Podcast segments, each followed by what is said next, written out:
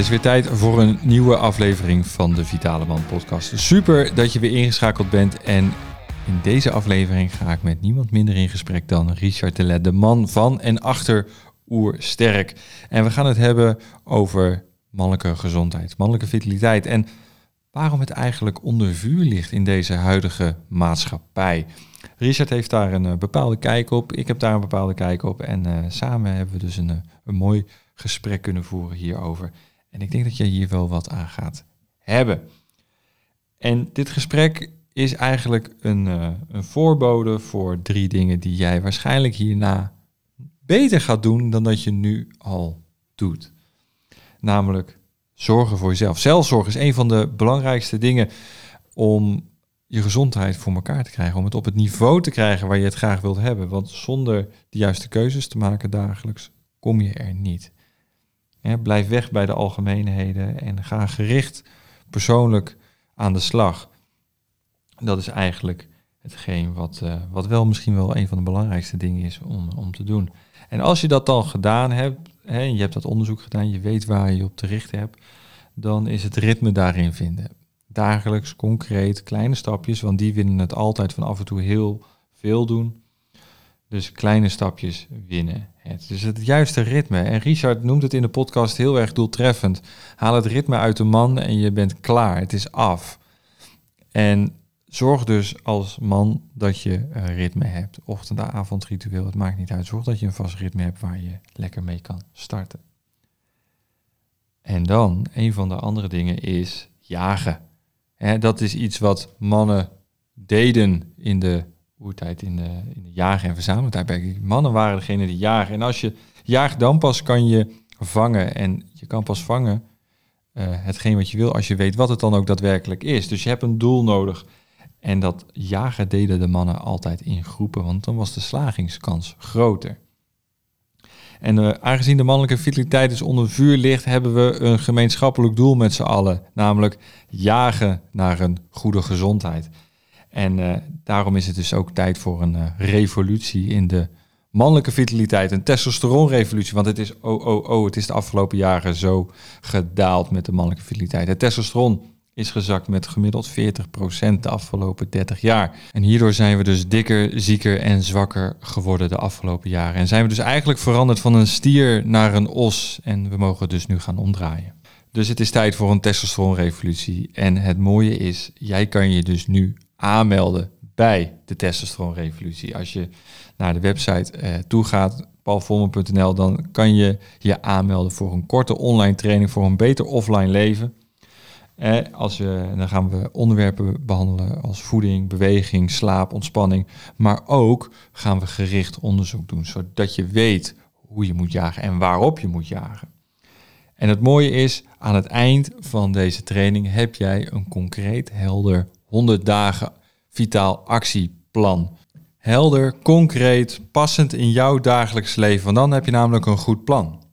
Niet het perfecte plan, want dat bestaat niet, want het perfecte plan is niet haalbaar.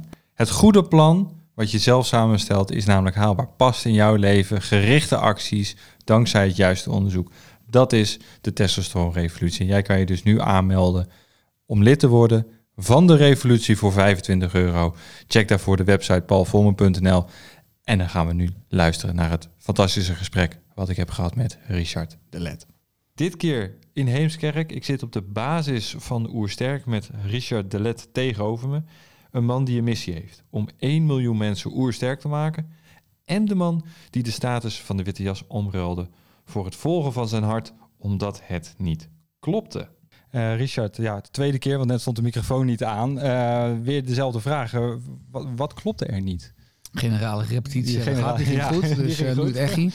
Ja, dat is een mooie zin, uh, want uh, ja, ik volgde hem hard, maar het klopte niet. Dus ik was mijn bezieling gewoon compleet kwijt. En het was een grote energielek, omdat ik een heel ander beeld had als kleine jongen van het arts zijn. Ik had een droom van als je arts bent, dan kan je mensen helpen. Dus kan je mensen beter maken. Je kan er ook voor mensen zijn, dus je hebt veel tijd voor mensen. Nou, in de praktijk heb je natuurlijk voor een consult zo'n 8 à 10 minuten. en daarna zat ik in mijn reguliere geneeskundeopleiding, had heel veel interesse in allerlei ja, holistische stromingen en richtingen. En die hebben het altijd over het samenspel lichaam-geest en over mhm. de oorzaak van klachtenaanpak in plaats van de oppervlakkige symptomen. En ik kwam natuurlijk wel vrij snel achter dat de reguliere geneeskunde fantastisch is. En gespecialiseerd in de acute geneeskunde. Als je je been breekt, eh, als je een blinde damontsteking hebt, een ernstige infectie. Maar eigenlijk de huidige eh, radicale toename van welvaartsziektes als gevolg van onnatuurlijk leven, ja, daar kan een arts, kan de geneeskunde eigenlijk niets mee. En daarom zijn we ook niet in staat om dat goed te behandelen. Als we dat goed zouden kunnen behandelen, dan zouden de wachtkamers leger worden. Maar de wachtkamers worden steeds voller. Dus ja, ik zat op een dinsdagmiddag, juli 2007, in Medisch Centrum Alkmaar, het ziekenhuis. Dan in die witte jas, wat inderdaad wel lekker is voor je ego. Want inderdaad, als je het ziekenhuis binnenkomt lopen, goed niemand je in je gewone jas. Dan ga je de artsenkamer, je kleed je om, je loopt naar buiten toe en iedereen groet je. Hè, dag dokter. Dus dat is uh, wel poken voor, poken voor het ego. Maar ja, ik wist dat ik mezelf verlogende. Ik wist dat ik een ja, pion was uh, in een soort keurslijf van een systeem waarin ik mezelf letterlijk niet kon zijn, waar mijn hart voor mij dus echt niet klopte. Uh, ja, en die prijs is groot. Uh, ik dacht op vrijdagmiddag alweer, shit, ik moet maandag weer heen.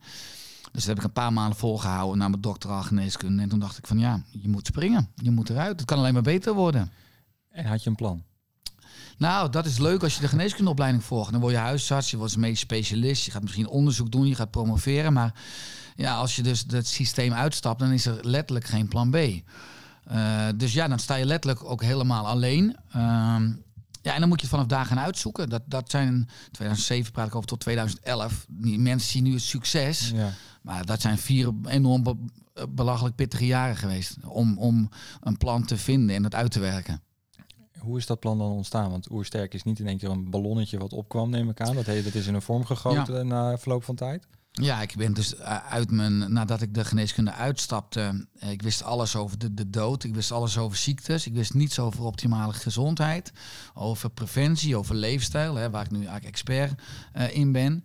Dus ik besloot allerlei opleidingen te, te, gaan volgen. Ik werd kinesioloog, dus heel erg een stuk energetische geneeskunde, ortomoleculaire geneeskunde, wat staat voor de juiste bouwstenen van het leven, wat veel breder is dan alleen maar voeding, maar ook gaat over een levensdoel, over zonlicht, over water, over sociale verbinding, over lach lachen. Nou, allerlei andere voedingsstoffen die eigenlijk een optimale maaltijd van het leven vormen. Uh, ik ben gespecialiseerd in de psychoneuroimmunologie, dus het samenspel van lichaam en geest. En ik begon in 2007, eind 2007, dat ik de geneeskunde uitstap was, ging ik me natuurlijk inschrijven bij de Kamer van Koophandel. Was je ZZP'er, ging me verhuren aan thuiszorginstellingen, verzorgingstehuizen, verpleeghuizen. Deed ik allemaal medische handelingen, uh, uh, diabetes, spuiten, injecteren, zonder voeding, stomazorg. En ik dacht van ja, ik, heb een, ik was ook een praktijk voor integrale geneeskunde begonnen. Ik ik ga mijn praktijk opbouwen. En hoe meer uren ik in mijn praktijk heb, ga ik me, ja, die, die, die ZZP'er-uren in de thuiszorg, wat ik puur deed eigenlijk om geld te verdienen, om mijn droom te kunnen financieren, ga ik afbouwen. Ja, en dat praten dus heb ik in 2008, 2010. In 2010 werd ik vader uh, van Noah. Is nu 11 jaar, Noah, oudste zoon. En in 2011 uh, ja, kwam ik in een soort, ja, de huisarts zijn burn-out. Ik noemde het zelf een spirituele crisis.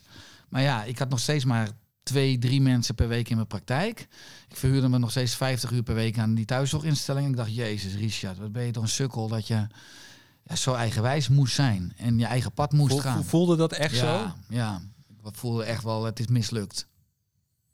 Ja, het hart volgen. Je droom, ja, ja droom. Het is leuk, leuk. En ik heb er weer jaren in geloofd, maar ik dacht echt van ja, maar het confronteerde me vooral met... Ik ben, altijd als, als jonge jongen of als jonge man ook altijd wel onzeker en angstig geweest. Als klein kind was ik een enorme stotteraar. Ik kon niet vloeiend praten. Uh, dus uh, ja, ik had de overtuiging, ik ben niet goed genoeg. Daar hebben we allemaal een soort smaakvariatie van. Had ik vertaald van, ik weet niet genoeg, ik weet niet voldoende. Dus daarmee heb ik belachelijk veel opleiding gedaan. Ook ja, meer dan duizend boeken in mijn boekenkast. Omdat ja, een onbewust mechanisme om de wereld te bewijzen dat je er wel mag zijn. Ehm, maar ik had ook, uh, ja, ik, ik was enorm angstig en ik vond het enorm belangrijk dat iedereen me aardig vond. Dus dat ik in de, ook in de sociale groep om mij heen behouden bleef, dat ik daar mijn plek had. Dus ik durfde nooit mijn eigen mening te laten horen. Als mensen aan mij vroegen, Richard, wat vind jij? Stel ik een wedervraag, zei ik, ja, goede vraag, maar ja, wat vind jij, zei ik dan. Dan gaf iemand antwoord, zei ik, ja, precies, dat vind ik ook. Want ik had, was een, een chameleon, ik paste me altijd aan. Dus ik had letterlijk 27 jaar van mijn leven ja, een beetje mijn eigen stem verlogend. En in die crisis kwam er zo doorbreken, het verlangen. Ik had gewoon een boodschap die ik zo belangrijk vond, maar die ik niet te durfde letterlijk te laten horen of uitspreken. En ik dacht van ja, uh, ja, ik zat echt in een crisis dat ik drie, vier maanden niet sliep. En ik had paniekaanvallen en ik was doodmoe. Ik dacht van, ja, oké, slechter dan dit kan het ook niet worden. Misschien ga ik wel dood. Nou, laat ik dan ook gewoon maar... Ja, dus het verlangen werd groter dan de angst. Nou, zal een stotteraar niet aan een podium pakken. Ik kan ook blind typen. Dus ik denk, ik ga wel een volle schrijven. Ik wil dat mensen mijn mening, in ieder geval mijn stem uh, te horen krijgen. Of in ieder geval kunnen lezen. En uh, ja, dat volletje, dat, dat liep uit de hand. Dat werd een hoofdstuk over voeding dacht ik, ja, evolutionair is voeding en beweging altijd ja, eh, gekoppeld. Want je kan, hè, als je honger hebt, moet je bewegen en dan pas kan je weer calorieën vinden. Ook mindset, want je eet pas een rotte appel als je een rotte appel voelt. Dus dat hangt heel erg samen. Hè, je zelfwaardering en de zelfzorg. Dus die volle liep uit de hand en dat werd een boek. Dat werd Oersterk. Ja, en, eh, en uh, ja, een heel simpel gezegd werd Oersterk binnen een half jaar een enorme bestseller. Die kwam 11 juni 2012 uit. En ja, dat is het kantelpunt geweest. Want vanaf toen had ik een wachtlijst in mijn praktijk van minimaal een half jaar. Werd ik gevraagd om praatjes te houden. Dan ben je ineens auteur, dan ben je ineens spreker. Ja, en ja, vanaf toen heb ik, uh, is, is de wind flink in de rug gekomen. Ja, dus dat eigenlijk het, de volle, het boek, ja. is het kantelpunt geweest. Absoluut. Maar daarvoor dus wel de interne beslissing om uh, de moed te hebben om een verlangen te volgen. En mijn angst, nou ja, die werd kleiner te, te, accepteren. Ook met de prijs dat niemand in mijn omgeving me meer begrepen zegt van of, of mensen me zouden afstoten. Ik heb toen het, het eerste moment in mijn leven voor mezelf durven kiezen waar het boek een gevolg van was. Ja. Is best wel knap voor iemand die, uh, wat je zegt, uh, ja, met, terugkijkend, onzeker was. wat, wat, wat, je zegt dat verlangen. Waar kwam dat verlangen zo vandaan om je uiteindelijk toch uit te gaan spreken? Want dat, dat is ergens een vuurtje. Mhm. wat, wat, wat is dat vuurtje geweest? Om uiteindelijk van een foldertje naar een boek te gaan uiteindelijk. Ja, kijk, dat vuurtje is uh, het vonkje wat we allemaal in ons hebben. In mijn optiek zijn we spirituele wezens met een menselijke ervaring. Nou, dat, mijn nieuwste boek is Zielsgelukkig is gezond. Er zeven spirituele wetten voor gezondheid. Dus als je het hebt over, uh, over je passie, betekent letterlijk de taal van de ziel. Enthousiasme betekent letterlijk de God in zich hebben. Inspiratie betekent nieuw leven inblazen. Nou, ik had geen inspiratie in mijn leven. Ik was nergens enthousiast over. En mijn passie, ja, dat was een fictieve droom in mijn hoofd. Dus het was heel opvallend dat mensen, maar ik ook toen, niet doen wat ze ten diepste willen zijn. En ook wat ze ten diepste willen. En uh, ja, dat kan je lang genoeg verlogenen, maar je lichaam gaat, of je, of je mind of je ziel gaat dan signalen geven. Signalen, wat we in de geneeskunde klachten noemen, zijn biofeedback-mechanismen om je te laten weten dat er iets uit balans is in je leefpatroon. Of je eetpatroon, je beweegpatroon, je ontspanpatroon, slaappatroon, je denkpatroon.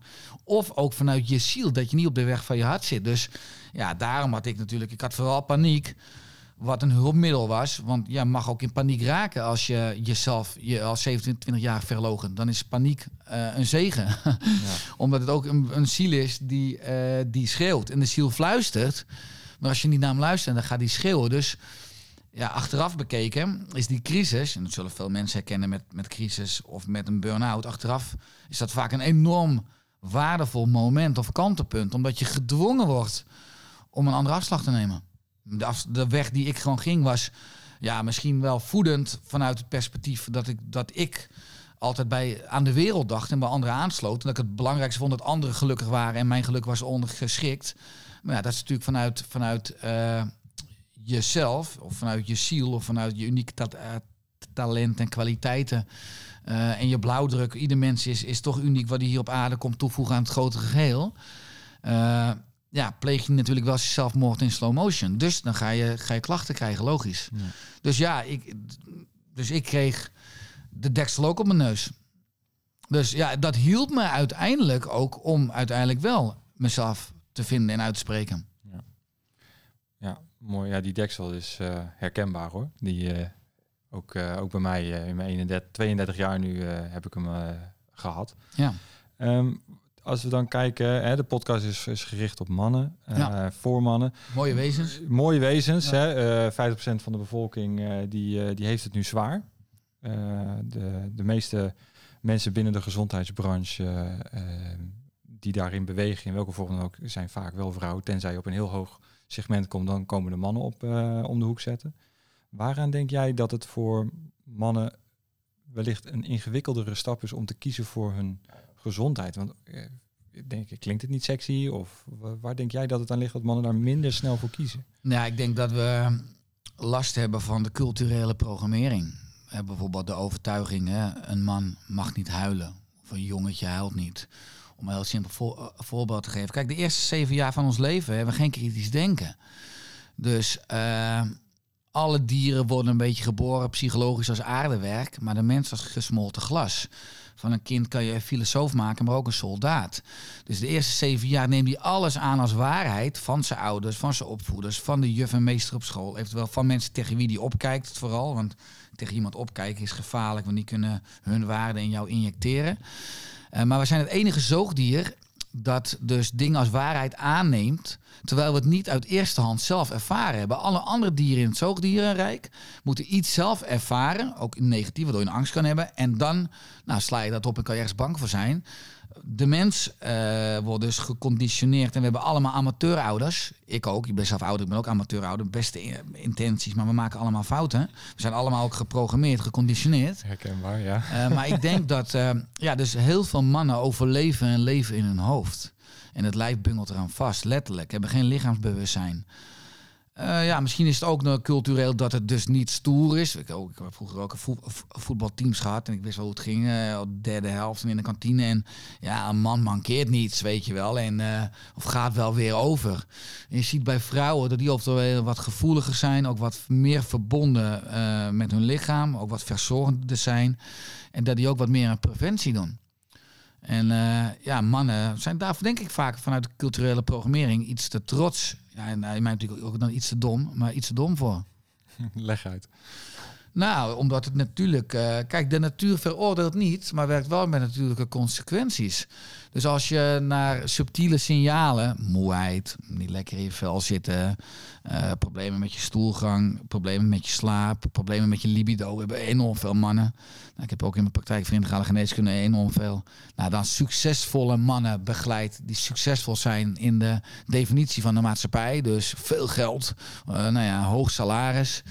Maar ja, als je geluk en gezondheid inruilt voor succes. In mijn optiek ben je dan arm, maar dat is verkeerde ruilhandel. Dus het is heel dom dat vaak mannen pas in actie komen als ze serieus gezondheidsproblemen hebben. Dus als ze al jaren kabbelen met klachten, wat natuurlijk al signalen zijn. Uh, en de natuur wil niet dood. En je lichaam wil ook niet ziek worden. Alleen geeft allerlei signalen. Als je daar niet naar luistert, ja, dan worden signalen groter. En dat bedoel ik dan met dom. Ja, okay. Dat we, dan kan je misschien mannen dus niet kwalijk nemen. Vanuit het perspectief dat we dat niet in het onderwijs geleerd hebben. Dat we dat waarschijnlijk ook niet van onze vader geleerd hebben. Of van andere mannelijke voorbeeldfiguren. Uh, maar uh, ja, ik denk dat we dus daardoor helemaal niet goed aansluiten bij die driehoek lichaam, geest, ziel. Die continu fluistert en signalen geeft. Ook in de vorm van fysiek of emotionele balans, CQ onbalans. Hoe is dat bij jou geweest dan? Want uh, je bent uh, richting arts gegaan. toch wel de witte jasstatus. wat, wat, wat hebben jouw ouders in, in dat stuk gedaan, waarom je die kant op bent gegaan. Dan kan je daar een link leggen, want je bent wel een, een zorgend beroep ja. heb je gekozen. Ja, ik vind het fijn om mensen, met mensen te omgeven, om voor mensen te zorgen. In die zin ook wel een beetje het helpersyndroom, wat heel veel mensen in de zorg hebben. Ik wil mensen graag beter maken. Ja, ik denk dat zeker ook in de artsopleiding word je natuurlijk ook uh, emotioneel en spiritueel afgestompt. Als je te veel uh, ja, emoties hebt, of ik ga de hele dag heb je te maken met ziekte en de dood, met slecht nieuwsgesprekken volle wachtkamers de hele dag. Je hebt het gevoel alsof de hele wereld letterlijk ziek is, want je maakt lange dagen. Dus ik had laatst een podcast met uh, Sander Aarts, wat natuurlijk de best getrainde Special Force was van Nederland. En ik zei, ja, om Special Force, om zo'n militair te worden, moet je fysiek en mentaal enorm sterk zijn, maar emotioneel en spiritueel enorm zwak. Want als je daar sterk zou zijn, zou je het werk niet volhouden. Je zou het werk ook niet doen. Dat is ook zo als arts. Als je de hele dag, het is een enorm rationeel ook wel nog ja, wereld met diagnoses en heel erg uh, werken, dus puur op het niveau van de zintuigen. Uh, zit weinig energetisch, spi spiritueels in. En ook natuurlijk als je te veel emoties toelaat, ja, dan is het een pittig vak, omdat je de hele dag nou ja, mensen begeleidt. Dan kan je je werk nog wel doen. Ja, dat denk ik niet. Dan denk ik dat je wegzakt in het moeras. Dus je moet rationeel, cognitief linker hersenhelft overleven. ja, dus ook in de zorg trouwens interessant. Natuurlijk als je kijkt naar man-vrouw, dat de, vroeger bijna alle artsen man waren. En de nieuwe generatie artsen zullen allemaal vrouwen zijn. Ik denk dat je dan nog maar 10, 20 procent mannen hebt. Want dat is nu natuurlijk al op de geneeskundeopleiding. Dat hebben we weer meer mee te maken dan de geneeskundeopleiding werkt met een loting op cijfers. En vrouwen over het algemeen op de middelbare scholen wat serieuzer zijn en beter scoren. En mannen ook wat meer lol hebben en wat puberaler zijn. En daardoor relatief wat lager scoren. Vrouwen iets voorlopen cognitief dan qua, qua ontwikkeling. Uh, ja, maar dat is gewoon uh, ja, een, een boeiend krachtenveld. Ja bewegen eigenlijk een, een, naar een vrouwenspectrum, wat, ja. wellicht misschien niet eens heel erg slecht is op sommige gebieden. We moeten doen, denk ik, waar onze krachten liggen. Ja. Ehm, wat, is jouw visie dan op de, de, de evolutie die wij als man hebben doorgemaakt? Van, van, van jagen verzamelen, ehm, altijd maar op, erop uit. Nou, nu succes op een stoel achter een laptop, uh, dat beleg je in uh, de NFT's en, en dat soort dingen. Waar zie jij de mannelijke evolutie qua gezondheid naartoe bewegen de komende jaren? Ja, dat ziet er natuurlijk niet hoopvol uit als je kijkt naar de cijfers. Uh, de man is ook steeds dikker geworden, steeds zieker geworden. Uh, ook steeds dommer geworden. IQ neemt af, ook steeds zwakker geworden. Als je testosteron meet, bijvoorbeeld in het bloed, of uh, naar andere parameters kijkt.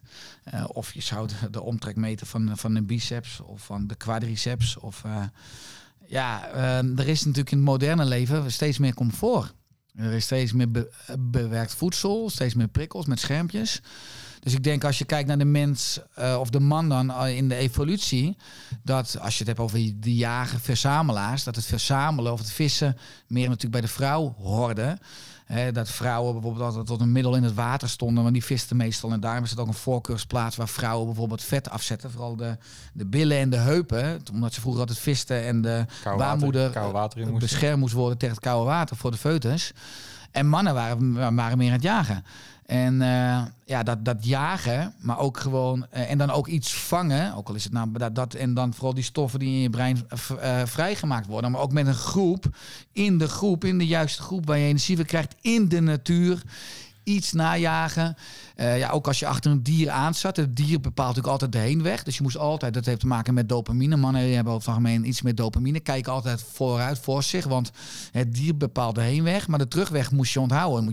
Dus je moest, je moest continu uh, zeg uh, en dopamine zorgt ook voor dat je wat meer naar de horizon kijkt. En serotonine, wat meer vrouw is, kijk je veel naar de grond. Want dan moet je ook continu over de kinderen waken, met wie wat kan gebeuren. Dus, en dat hebben mannen dan relatief iets minder.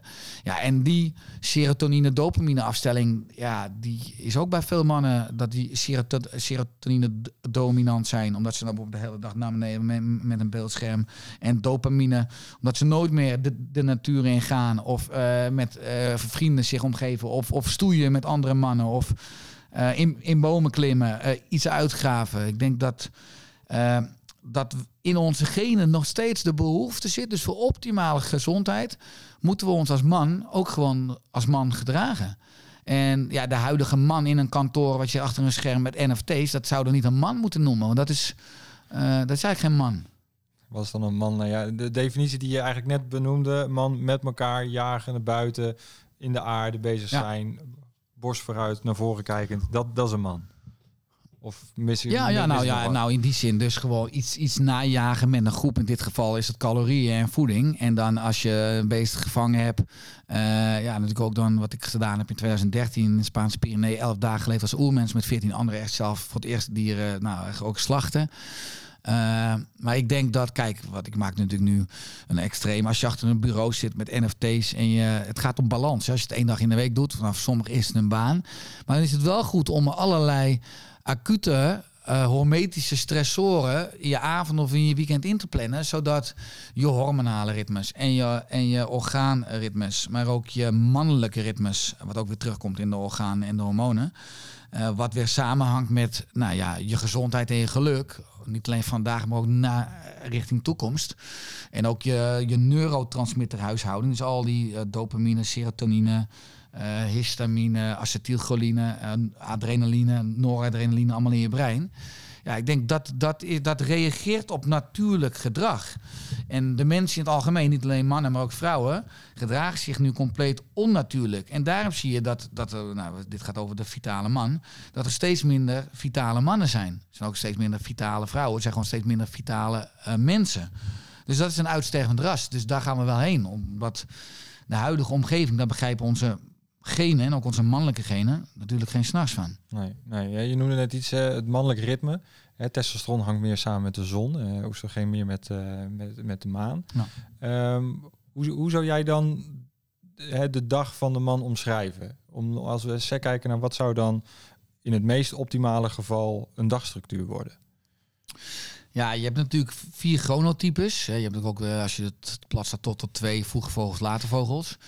Uh, maar ja, dus als je het hebt over het ritme van de zon, dat je opstaat uh, als het licht wordt. Dus mijn daglicht, wat nu natuurlijk wat eerder is dan in de winter. In de winter horen we denk ik ook wat langer te, slapen. Dus uh, als het licht wordt, uh, sta je op. En dan word je over het algemeen gewekt. nou, ik moet zeggen dat het ook heerlijk is om dan gelijk al naar buiten te gaan. Het liefst met je, met je blote voeten in het gras. Dan kan je al aarden, hè, wat ook enorm veel positief doet op je, op je hormonen daglicht valt er al op je, nou, op je huid, maar ook op je netvlies. En ook op je voorhoofd, waar natuurlijk uh, eigenlijk ons derde oog zit, de mm -hmm. pijnappelklier. Uh, en ik heb zelf een hond. Ik ga dan zelf altijd uh, met de hond uh, wandelen. Dus lekker gelijk s'morgens erop uit. Voor de maaltijd eigenlijk, nou ja, niet dat is ook dan ga jagen, maar ik zou het wel kunnen zien als, als nabootsing. Ja, dan ga je erop uit. Nou, ik loop een half uurtje met hem. Ja, dan kom ik thuis. Ik heb zelf twee kinderen. Uh, nou ja, dan uh, ben je lekker met de jongens bezig. En dan ben je ook al aan het uh, praten, aan het lachen. Uh, nou ja, dan ga ik naar kantoor. Daar loop ik ook heen, want ik werk in de buurt van waar ik woon. Ik ga, ga op de fiets, dus die luxe heb ik dan. en ja, wat ik ook s'morgens vaak al doe. Want eigenlijk als je het hebt over de blauwdruk voor een goede dag. Ja, iedereen wil een goed leven. Maar het geheim van een goed leven is een goede dag. Dus als ik opsta, s'morgens, en dan ben ik heb een leefstijldagboek, schrijf ik op wat is mijn doel vandaag. Dus het is belangrijk vanuit de ziel bekeken dat je een doel hebt. Maakt niet uit ook dat het een, klein doel is, een praktisch doel. Maar anders ben je eigenlijk stuurloos. Dan word je, ga je reactief door je dag in. Dus wat is je dag vandaag? Nou, dat is mijn ziel wakker. Dan mediteer ik, maar dat is voor mij gewoon één minuut een bodyscan doen in bed. Eh, dus even contact maken mhm. met mijn lichaam, ja. mijn lichaamsbewustzijn kweken. Nou, is mijn mind wakker. En dan ga ik ja, 10 seconden onder een koude douche. Mag ook langer, maar vanmorgen heb ik weinig tijd. Heb 10 seconden onder een koude douche gestaan. Is mijn lijf wakker. Ja. Dus een doel, ziel wakker, mediteren, mind wakker, koude douche, uh, lijf wakker. Nou, dan ga ik dus met Bobby naar buiten.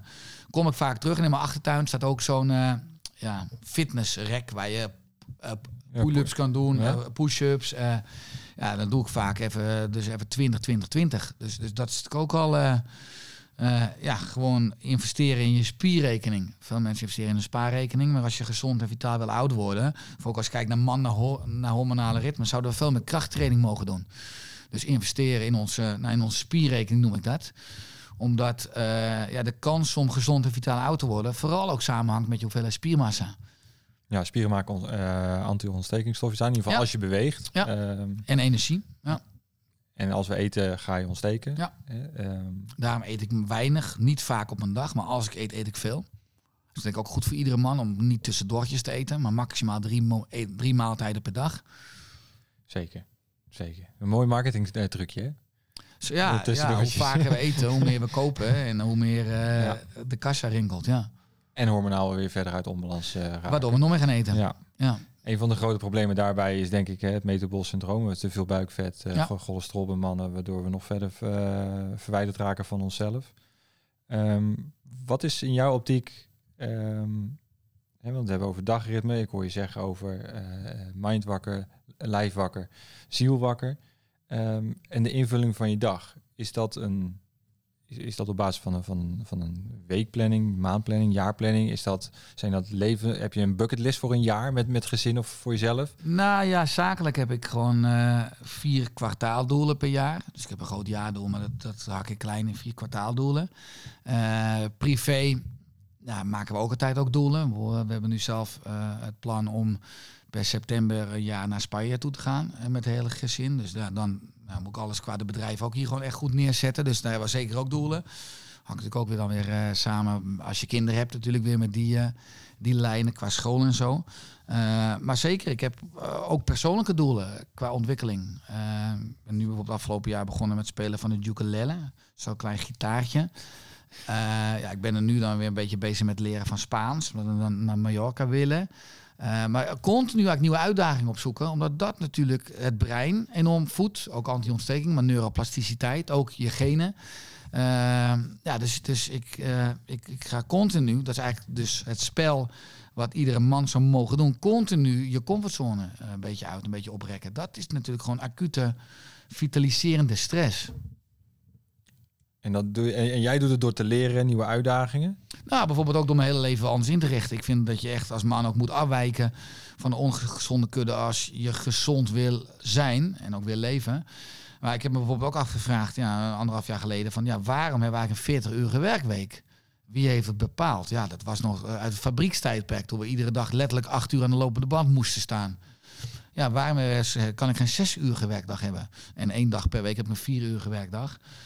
Uh, die andere vier, zes uur. Dus ik werk zes uur per dag, waardoor je automatisch al twee uur pakt voor de juiste zelfzorg. En, uh, ja, en, en die energie en de balans die je daarmee houdt, verdien je ruimschoots terug in de effectiviteit in de overige zes, uur. Ik denk dat ik in zes uur nu doe, wat ik anders in acht of negen uur doe. Ja, ja. En hoe, hoe ben je dat gaan doen met kinderen? Want je, je hebt twee jongens. Ja. Uh, hoe doe je dat met de kids? Met, met betrekking tot hè, uh, wel werken, uh, je zegt uh, werkweken, zo, werkdagen zo ongeveer zes uur ja. per week. hoe, hoe pak je dat aan? Want ik ben net vader geworden, Odin is zes maanden. Ja. Wij hebben de keuze gemaakt om de ene week drie dagen te werken, de andere dag twee dagen. Dus deze week heb ik drie dagen de zorg voor hem en van werk ik alleen de dinsdag ja. en de donderdag. Um, ik vind het heel belangrijk om als jonge vader echt volledig voor hem te zijn bij alles. Ja. Hoe, hoe heb jij dat gedaan? Want de meeste vaders kiezen ervoor om te vluchten naar kantoor.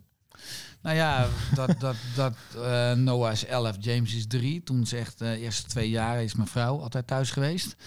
Uh, die werkt nu ook gewoon in het bedrijf Vitaly van ons. Dus James is dan, kijk, Noah zit op school nu in groep 8. James die zit dan normaal dinsdag bij een gasthouder. En ja, vaak op vrijdagochtend ben ik bij hem lekker. En dan gaan we vaak naar Alkmaar toe. En dan gaan we ergens een bakje doen. Of we gaan lekker slenteren in het bos. Of, uh, en vrijdagmiddag is Renata dan weer thuis, mijn vrouw. En dan werk ik weer. Dus uh, ja, we doen het heel erg samen. Maar ik ben al uh, vijf, zes jaar bijvoorbeeld ook voetbaltrainer van Noah, mijn oudste zoon. Dus ik train zo op woensdagmiddag, moet ik om vier uur op het veld staan. Op zaterdagochtend altijd. Ja, ik weet nog wel dat dat gevraagd werd toen. En als ondernemer zit je altijd in veel projecten. Ik denk, ja, ik weet wel honderd redenen waarom ik het niet zou moeten doen. Maar aan de andere kant, die jaren krijg je nooit meer terug. En als je gewoon die keuze maakt, die zet in je agenda, dan is er ook ruimte voor. En dat is denk ik een beetje het grap van het universum. Wat je belangrijk vindt, wat, wat je inplant, daar is altijd ruimte voor. Maar als je je dag niet vult met hoge prioriteit beslissingen, dan wordt je agenda je dag gevuld met lage prioriteit afleidingen. En dat hebben ook heel veel mannen en vrouwen en mensen, omdat ja, ze reactief leven. Ze hebben geen proactief een doel van oké, ik wil uh, deze ondernemer zijn, ik wil deze partner zijn, ik wil deze vader zijn. Uh, en alle andere rollen die je hebt, deze vriend zijn. Uh, maar als je dat daarover na gaat denken, dat is stap 1. Dat ook even wel voor jezelf zou opschrijven. Twee, ja, dan kan je het ook al wat meer in je agenda gaan integreren. Drie. Uh, en dan zal het misschien nog steeds niet, niet, niet altijd lukken. Maar je leeft wel proactief. En ja. dat is leven vanuit je mensbrein. Maar de meeste mensen, uh, mannen, leven vanuit een oerbrein. En dat is gewoon echt reactief. Je reageert op alles wat urgent is. Ja. Ja, hoe reageerde de, de maatschappij of de, de, jouw omgeving erop dat je zei van ja, weet je, de tijden die ik kan besteden aan die jongens, dan ben ik er. Het is ja, eh, toch ja, het, het klopperij waar, waar de man uh, tegenaan uh, ja, ik bokst moet, nu. Moet natuurlijk, uh, ik was wel dat ik in de geneeskunde zat nog veel meer verbonden met mezelf. Ik was veel mijn ego en veel mijn competitie. Ik wilde stiekem ook wel promoveren en titel. En, want het is de geneeskunde ervaar ik ook een beetje een ego werk. Dus ik was veel minder ook verbonden met mezelf. Was eigenlijk nog een beetje misschien een innerlijk kind wat zich daardoor juist echt wilde bewijzen. Ja, ik moet natuurlijk mijn hele leven horen dat, ik, dat mensen me afwijkend vinden. Laat ik het zo zeggen.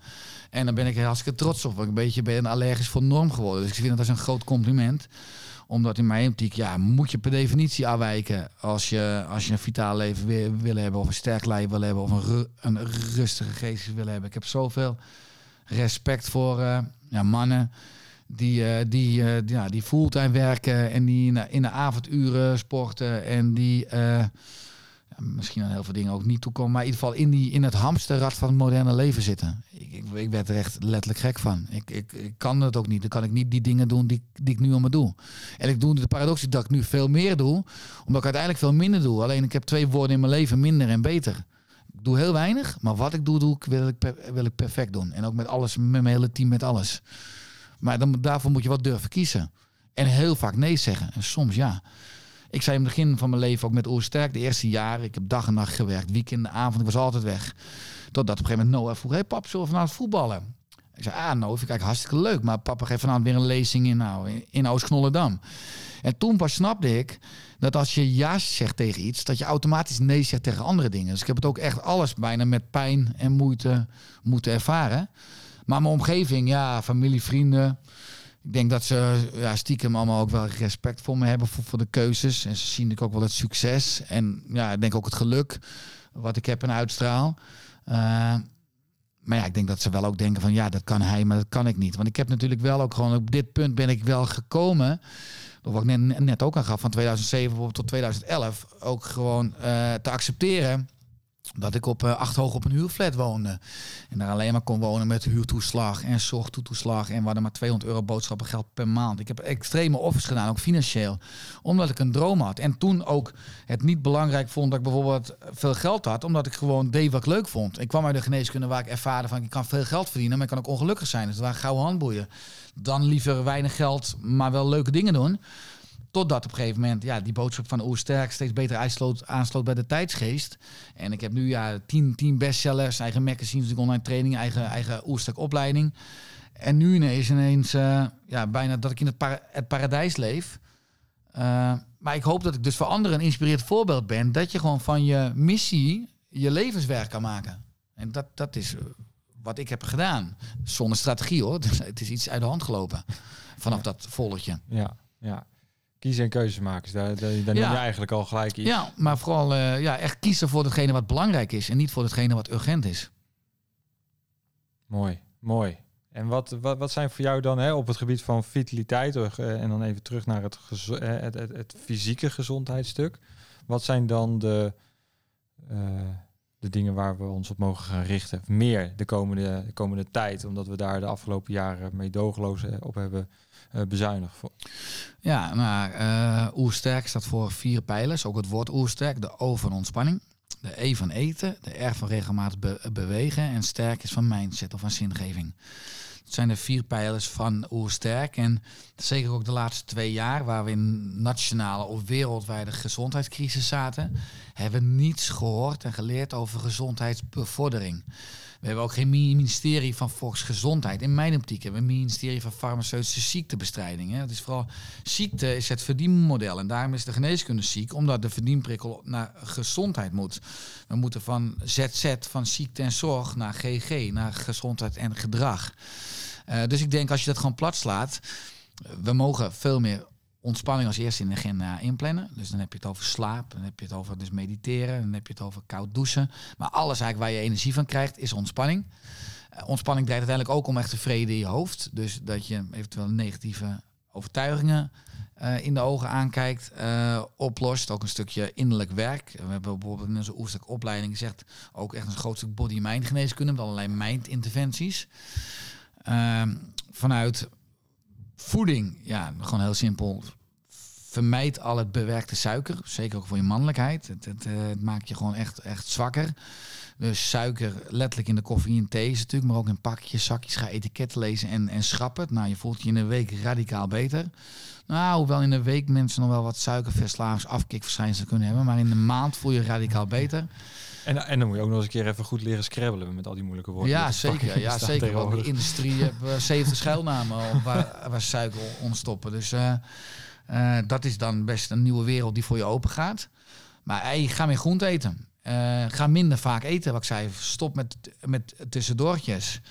En qua bewegen, ja, doe gewoon krachttraining minimaal twee keer in de week. En zorg ook dat je, we zijn Nederland kampioen stilzitten van de wereld, maar zorg dat je gewoon niet lang stil zit. Niet langer dan een uur stil zit. Ga dan weer een uh, minuutje minimaal even de benen strekken. Ja, spieren. En qua mindset dan als laatste, ja. Uh, zorg dat je in je kracht staat. En werk aan datgene waardoor je het wel niet in je kracht staat. Kijk uh, of je doet wat je zelf wil. Dus waarom doe ik wat ik doe? Is een goede vraag, omdat het je dwingt om te kijken naar wat zijn mijn primaire drijfveren. Loop ik aan het handje nog van mijn papa of mijn mama of mijn, uh, mijn uh, schoolmeester of mijn vrienden tegen wie ik opkijk? Of ga ik mijn eigen pad? En dat vraagt natuurlijk moed. En ja, moed in het Engels, core, hè, betekent ook het hart. Dus om je hart te volgen en om af te wijken van die kudde, dat vraagt moed. Ja, met een D, hè? Daarna moet je in actie komen. Ja, je moet verder helemaal niks. Ja, ja. ja eten en drinken en ja. een beetje slapen. Ja. Um, een tendens die je tegenwoordig ziet, uh, Richard, ik wil even jou, jou, jouw visie, jouw mening daarop. Uh, want tegenwoordig, uh, zoals je al zei, ehm, durf ik me uit te spreken. Um, de vegan trend begint groter te worden. Hè. Plantaardig eten is voor de natuur ten alle tijden beter voor de industrie. maar onze mannelijkheid die heeft, ligt daar wel wat, er zitten wat haken en ogen aan. Wat is, jouw, wat is jouw visie op het, uh, wat ook wat groter aan het worden is, het carnivore dieet? dus alleen maar vlees, uh, of juist het hele plantaardige stuk? Ja, het zijn er twee extreme, links-rechts. En je ziet ook publicaties dat de, de carnivore diet enorm positieve resultaten geeft bij, nou ja, bij allerlei, ook auto-immuunziekten en kanker is erbij is wel een beetje dat die groep waar het onderzoek dan op gedaan is, dat recent onderzoek, alleen maar de groep is die het volgehouden hebben. Er zijn ook heel veel mensen die zijn bijvoorbeeld afgevallen, maar die zijn er niet meegenomen in het resultaat, waardoor je daar niet goed zicht op hebt. Ja. of het wel goed, goed haalbaar is in het dagelijks leven. Uh, en vegan is ja, de andere kant, plantaardig. Ik denk ja, dat we als mens, als homo sapiens, een flexitariër zijn. Dat we van het land en uit de zee horen te eten. Dan heb ik het niet alleen maar over planten en kruiden. Uh, maar planten zijn ook de, de stamouders van groenten. Planten, vlees, vis. Uh, ook als je kijkt naar, ja, bijvoorbeeld als je vo volledig plantaardig eet of vegan. Uh, ja, dan moet je natuurlijk allerlei dingen supplementeren. Wat al laat zien dat die voeding eigenlijk onvolwaardig is. Uh, tuurlijk kunnen we het gaan hebben over bijna een spiritueel vraagstuk over het doden van dieren ja, ook voor de, de vegan of plantaardige productie worden natuurlijk enorm veel dieren. Ten eerste al om akkers vrij te maken. Of nou is het voor de palmolie of voor de soja. Of uh, bij de verwerking van uh, groenten. Eigenlijk als je kijkt van het spiritueel oogpunt leeft een plant ook. En groente en fruit ook. Maar ik vind, kijk, ik ben het eens dat bio-industrie vlees maakt je zwakker, ook als man. Het is eigenlijk geen vlees, want vlees is eigenlijk vitale eiwitten. Alles wat vliegt, rent, springt en zwemt. Nou, dat is eigenlijk gewoon vet met geïnjecteerd water en groeihormonen. Dus bio-industrievlees, als we alleen die keuze hebben, zou ik ook vegan worden, bewijs van. Maar gewoon echt uh, puur wildvlees, dieren die in oorspronkelijke omgeving leven en oorspronkelijke voeding krijgen. Ja, dat is natuurlijk. En als je die van kop tot staart eet, ja, ik vind dat ook een, ja, dat is vloeken in de kerk bij, bij vegans, maar een spirituele bezigheid. Omdat, wat ik ook echt ervaren heb in de Pyreneeën, als je echt honger had, ja, is filosoferen over het eten van dieren, is, is makkelijk als je een volle buik, een volle maag hebt. Maar als je echt honger hebt en je loopt daar met je gezin en je ziet een, uh, een konijn of een eend, dan ga je er gewoon achteraan. Uh, en wat ik ook vind, ook als je kijkt naar dieren in dierenrijk, heel veel dieren overlijden door wonden, door infecties, dus het leven is geen pretje. Nou, als ze in een natuurlijke omgeving leven en gewoon ja, op een goede manier geslacht worden, dan is dat in principe snel. Uh, en ja, het hele dier eten, ik geloof niet, maar dat is het niveau van het oerbrein van de zintuigen uh, van uh, leven en dood. Er bestaat geen dood. Er bestaat alleen maar transformatie. Alles mm -hmm. is mhm. verandering. Dus een dier, als je dat eet met respect en dankbaarheid, je gaat af met veel met dankbaarheid eten, leeft weer voor in jou. Ik bedoel, alles Net zozeer dat als ik, als ik dood ga en in de grond weer opgenomen word en dat, dat zit weer in de spinazie die je eet. Dus, dus in die hele kringloop vind ik het eten van vlees, van goed kwalitatief vlees, vind ik ook een spirituele bezigheid. En puur als je kijkt vanuit de mannelijke hormoonhuishouding, hebben we eiwitten, vetten ook vooral nodig. Ja, is het eten van uh, ja, gevogelte of ja, af en toe rundvlees en vis of zeevoedsel, schaal- en schelpdieren, zeegroenten. Ja, wel erg belangrijk kan je, kan je in mijn optiek nooit optimaal plantaardig uh, ja, nabootsen. Integendeel. Ja, ja, toch weer dan die pilletjes om het op, nou ja. op te lossen. Ja, ik heb het een keer. Uh, heb, je, heb je het wel eens geprobeerd? Uh, volledig vegan? Een ja, ik heb het een, uh, ja, een half jaar geprobeerd. Ik heb alles geprobeerd. Maar ja, ik kreeg op een gegeven moment ook echt wel met fitness echt spierklachten. En ik was gewoon moe. Ja. Ik begeleid ook een aantal topsporters hoor in Nederland. ik mag er nooit namen over noemen, maar ook vegans, een aantal. En de grap is dat ze bijvoorbeeld in de sport heel goed presteren. Maar als je vraagt hoe is het met je, die zijn altijd moe. Omdat ook zeker ook topsport, een moderne levensbijna topsport en vegan. In mijn optiek gaat het niet samen. Vegan kan nog best een optie zijn als je als monnik leeft. Zonder horloge, zonder stress, heel erg in de flow van het moment. Want stress verbrandt en verbruikt heel veel eiwitten. Ook je hele stresssysteem in je bijnieren, ja, paja's. Verbrand je ook veel eiwitten. Maar mensen, als je vier keer eet, heb je bijna al eiwittekort. En als je stress hebt, dan verbrand je ook nog eens meer eiwitten. Dus ja, dat gaat eigenlijk niet samen. Maar als je als monnik leeft, en de combinaties leggen tussen bepaalde eiwitbronnen, is dat in jouw optiek niet, uh, niet volwaardig genoeg? Plantaardige eiwitbronnen, zoals? Uh, nou, granen, pulvruchten, de combinaties. Ja. Denk je van, joh, dat, uh, dat is genoeg? Of, de, of is dat alsnog ontoereikend? Nou, heel veel mensen hebben intoleranties als je komt op niveau van granen en pulvruchten. Dat is natuurlijk geen oefvoeding. Zit er rijk aan antinutriënten. Bijvoorbeeld natuurlijk granen hebben natuurlijk veel gluten. Uh, pulvruchten, dus je kom je op de lectines en de saponines. En zeker als je dat vaak eet, ja, de meeste mensen krijgen daar ook juist gezondheidsklachten door. Of verergering van gezondheidsklachten, omdat het immuunsysteem uit balans brengt. Dus heel veel granen en peulvruchten, ja, dat schrijf ik in mijn eerste boek al hoofdstuk 16.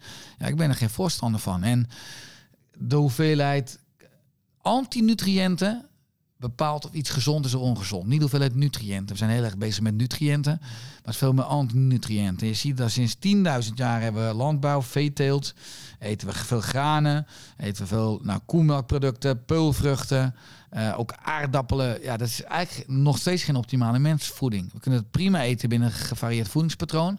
Maar als je vier keer eet, dan moet je veel meer ja, eigenlijk nieuwkomers eten. Vanuit het perspectief dat de Homo sapiens ongeveer 200.000 jaar oud is. En ons lichaam ook geworden is uh, dankzij de, nou, ook de bouwstenen die altijd in de natuurlijke omgeving aanwezig waren. Maar in de oeromgeving had je geen granen, peulvruchten, aardappelen. Daarmee is het prima om het af en toe te eten. Maar ik heb dan toch echt wel de drie, drie dagen regel. Eet het maximaal één keer per drie dagen. Ja, en de rest terug naar hetgeen wat de natuur biedt. Ja, 75% minimaal oervoervoeding, ja. En wat is dan hè, oervoervoeding? Want ik, ik, heb je één keer horen zeggen in een podcast... we hebben 24.000 verschillende... Uh, genen. Ge genen uh, en 24.000 verschillende... Uh, Polyfenolen, geneeskrachtige stoffen, ja. ja. Ja, 23.688 om precies te zijn. voor de luisteraars die uh, denken dat klopt niet helemaal, dat is juist. Uh, ja, wat, wat je daaruit kan concluderen is dat alle antwoorden in de natuur zitten. Wat ik natuurlijk enorm mooi vind, ook als je het hebt over natuurlijke medicijnen. Ja, die zoeken we niet om dat niet te patenteren. Hè, voeding of natuurlijke voeding en leefstijl. Want we willen alles chemisch namaken hè, voor de industrie om, uh, om aan ziekte te kunnen verdienen.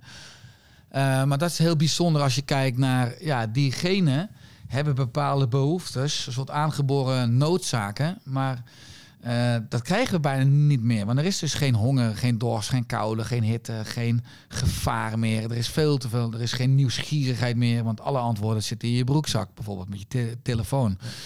Alle, alle ja, calorieën zijn op vijf stappen. Dan is er volle koelkast en die is ook vol op zondag. En anders is de supermarkt wel open. Dus uh, we zouden veel meer uh, voor een vitale man niet per se moeten wachten op toekomstig wetenschappelijk onderzoek, maar veel meer mogen omdraaien en terugkijken. Hoe zijn we als man in de evolutie ontstaan?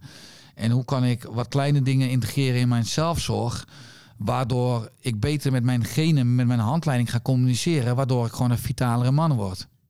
Ja, gericht onderzoek doen. En dan weet je wat je Nou ja, dus dat is gewoon... Normaal, er zijn voor mij tien stappen. Dat is dus, wat ik zei, een doel hebben.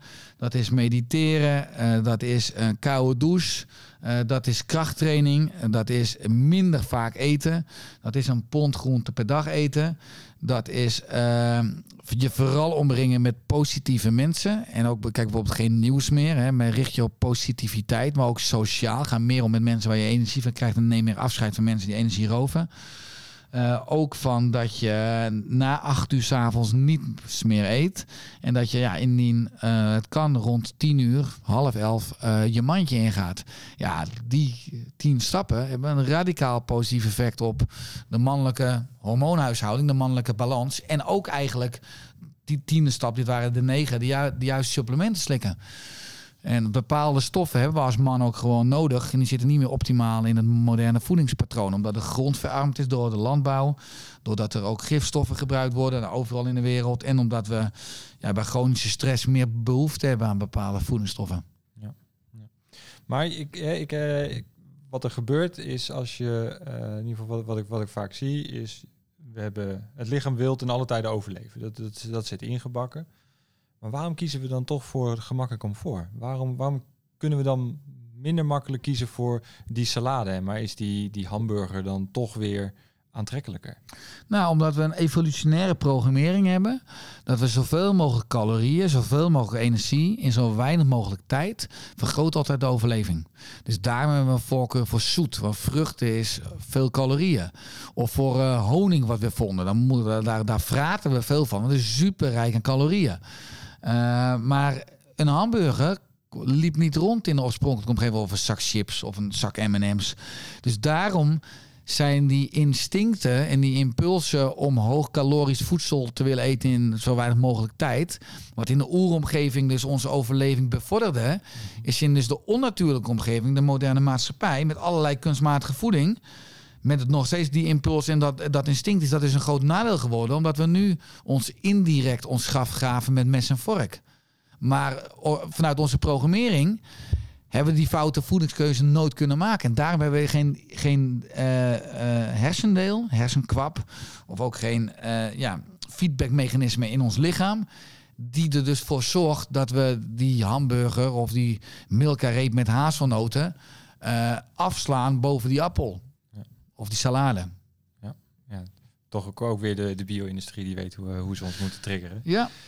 Um, had ik net nog een andere vraag. Ik dacht, waar, uh, waar zit die? Oh ja, dan weet ik weer. Dus ze zijn bezig, uh, het is ook weer een stukje, e-, even een zijspoor richting, richting die man. Ik ben net vader geworden. Uh, Odin is dus zes maanden, wat ik al zei. Ik, ik had een probleem met, dat heb ik al vaker in de podcast benoemd. Ik had een, een, een bal wat voor mij was niet ingedaald. En op het allerlaatste moment is het toch, ben, ben, ik, ben ik operatief geholpen. Dus ik heb me altijd minder man gevoeld, omdat ik bang was dat ik onvruchtbaar zou zijn. Mm nooit gedurfd een test te doen omdat ik bang was voor de uitslag. Gelukkig is het, wijst het tegendeel anders nu. Maar ze zijn bezig met een mannenpil.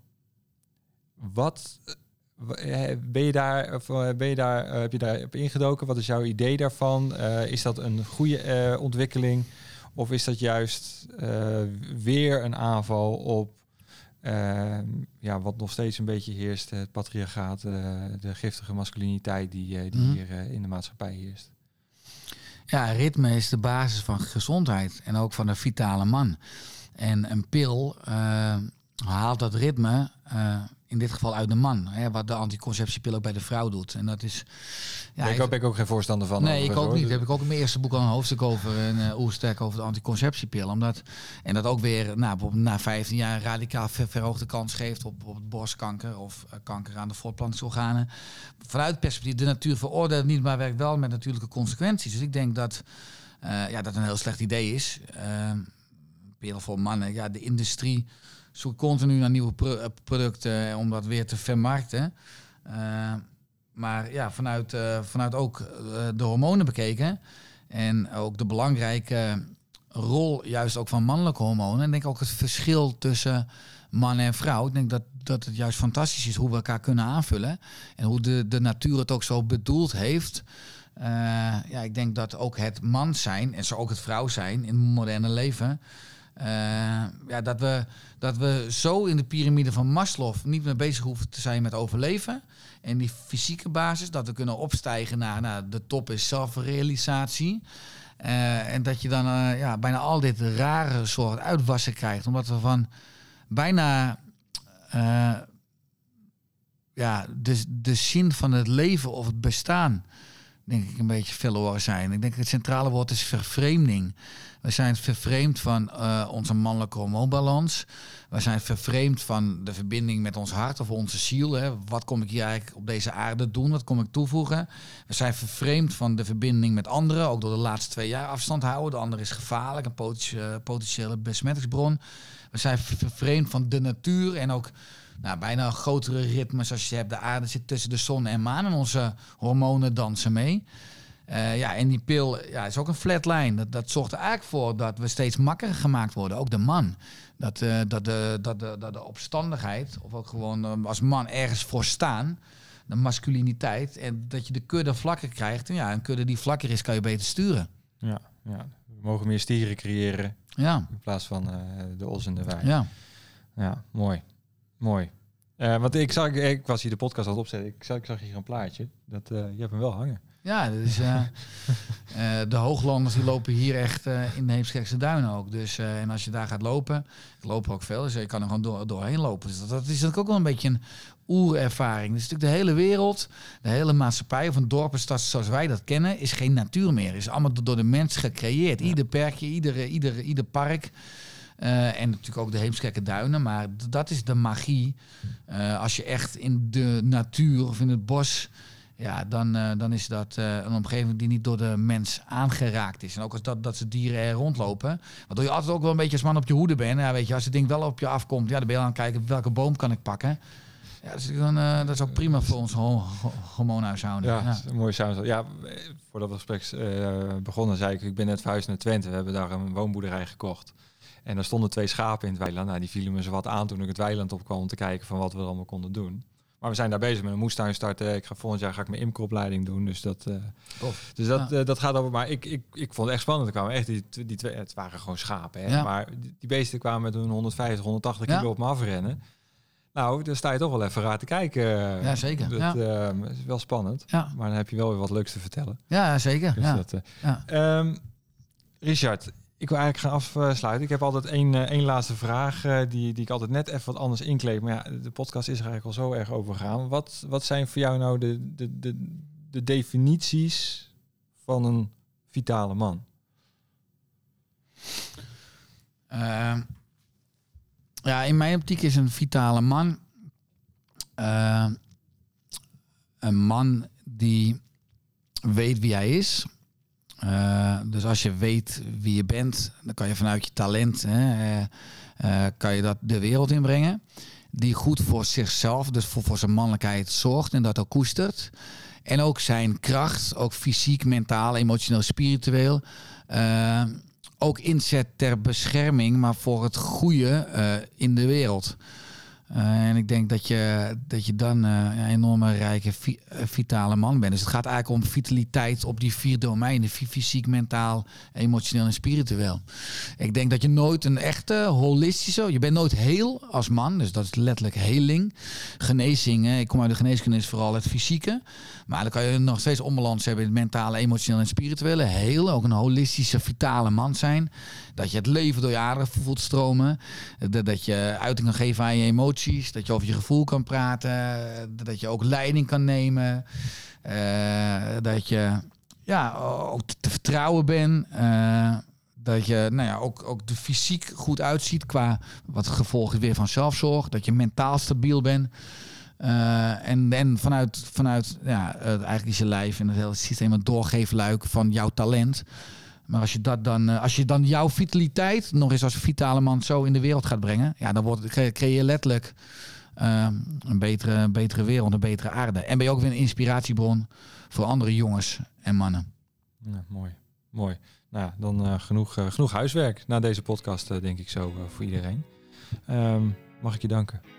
Jij dank voor het podium, Paul. En ga door met je goede werk. Ga ik zeker doen. Dank je. Nou, ik denk dat het ondertussen wel duidelijk is na dit gesprek met Richard. De mannelijke vitaliteit ligt onder vuur en het is aan jou om je te wapenen tegen het dagelijkse geweld wat op je afgevuurd wordt. Het is weer tijd dat we uit de loopgraven komen en terrein terugwinnen voor onze mannelijke gezondheid. En uh, ja, we waren dus ooit stieren hè, die een gezond, krachtig testosteronniveau hadden en we zijn nu mak geworden als os. We zijn als het ware een soort van chemisch gecastreerd. En uh, ja, staan nu grazend in de wei en worden we voor een karretje gespannen.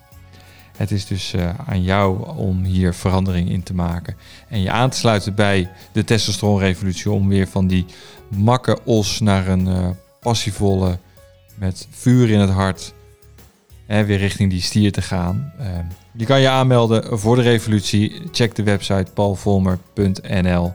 En uh, ja, dan vind je het vanzelf wel de testosteronrevolutie. Voor nu nog even 25 euro uh, als kennismaking, introductieprijs. En daarna schiet die omhoog. Dus ik zou zeggen, wacht niet te lang.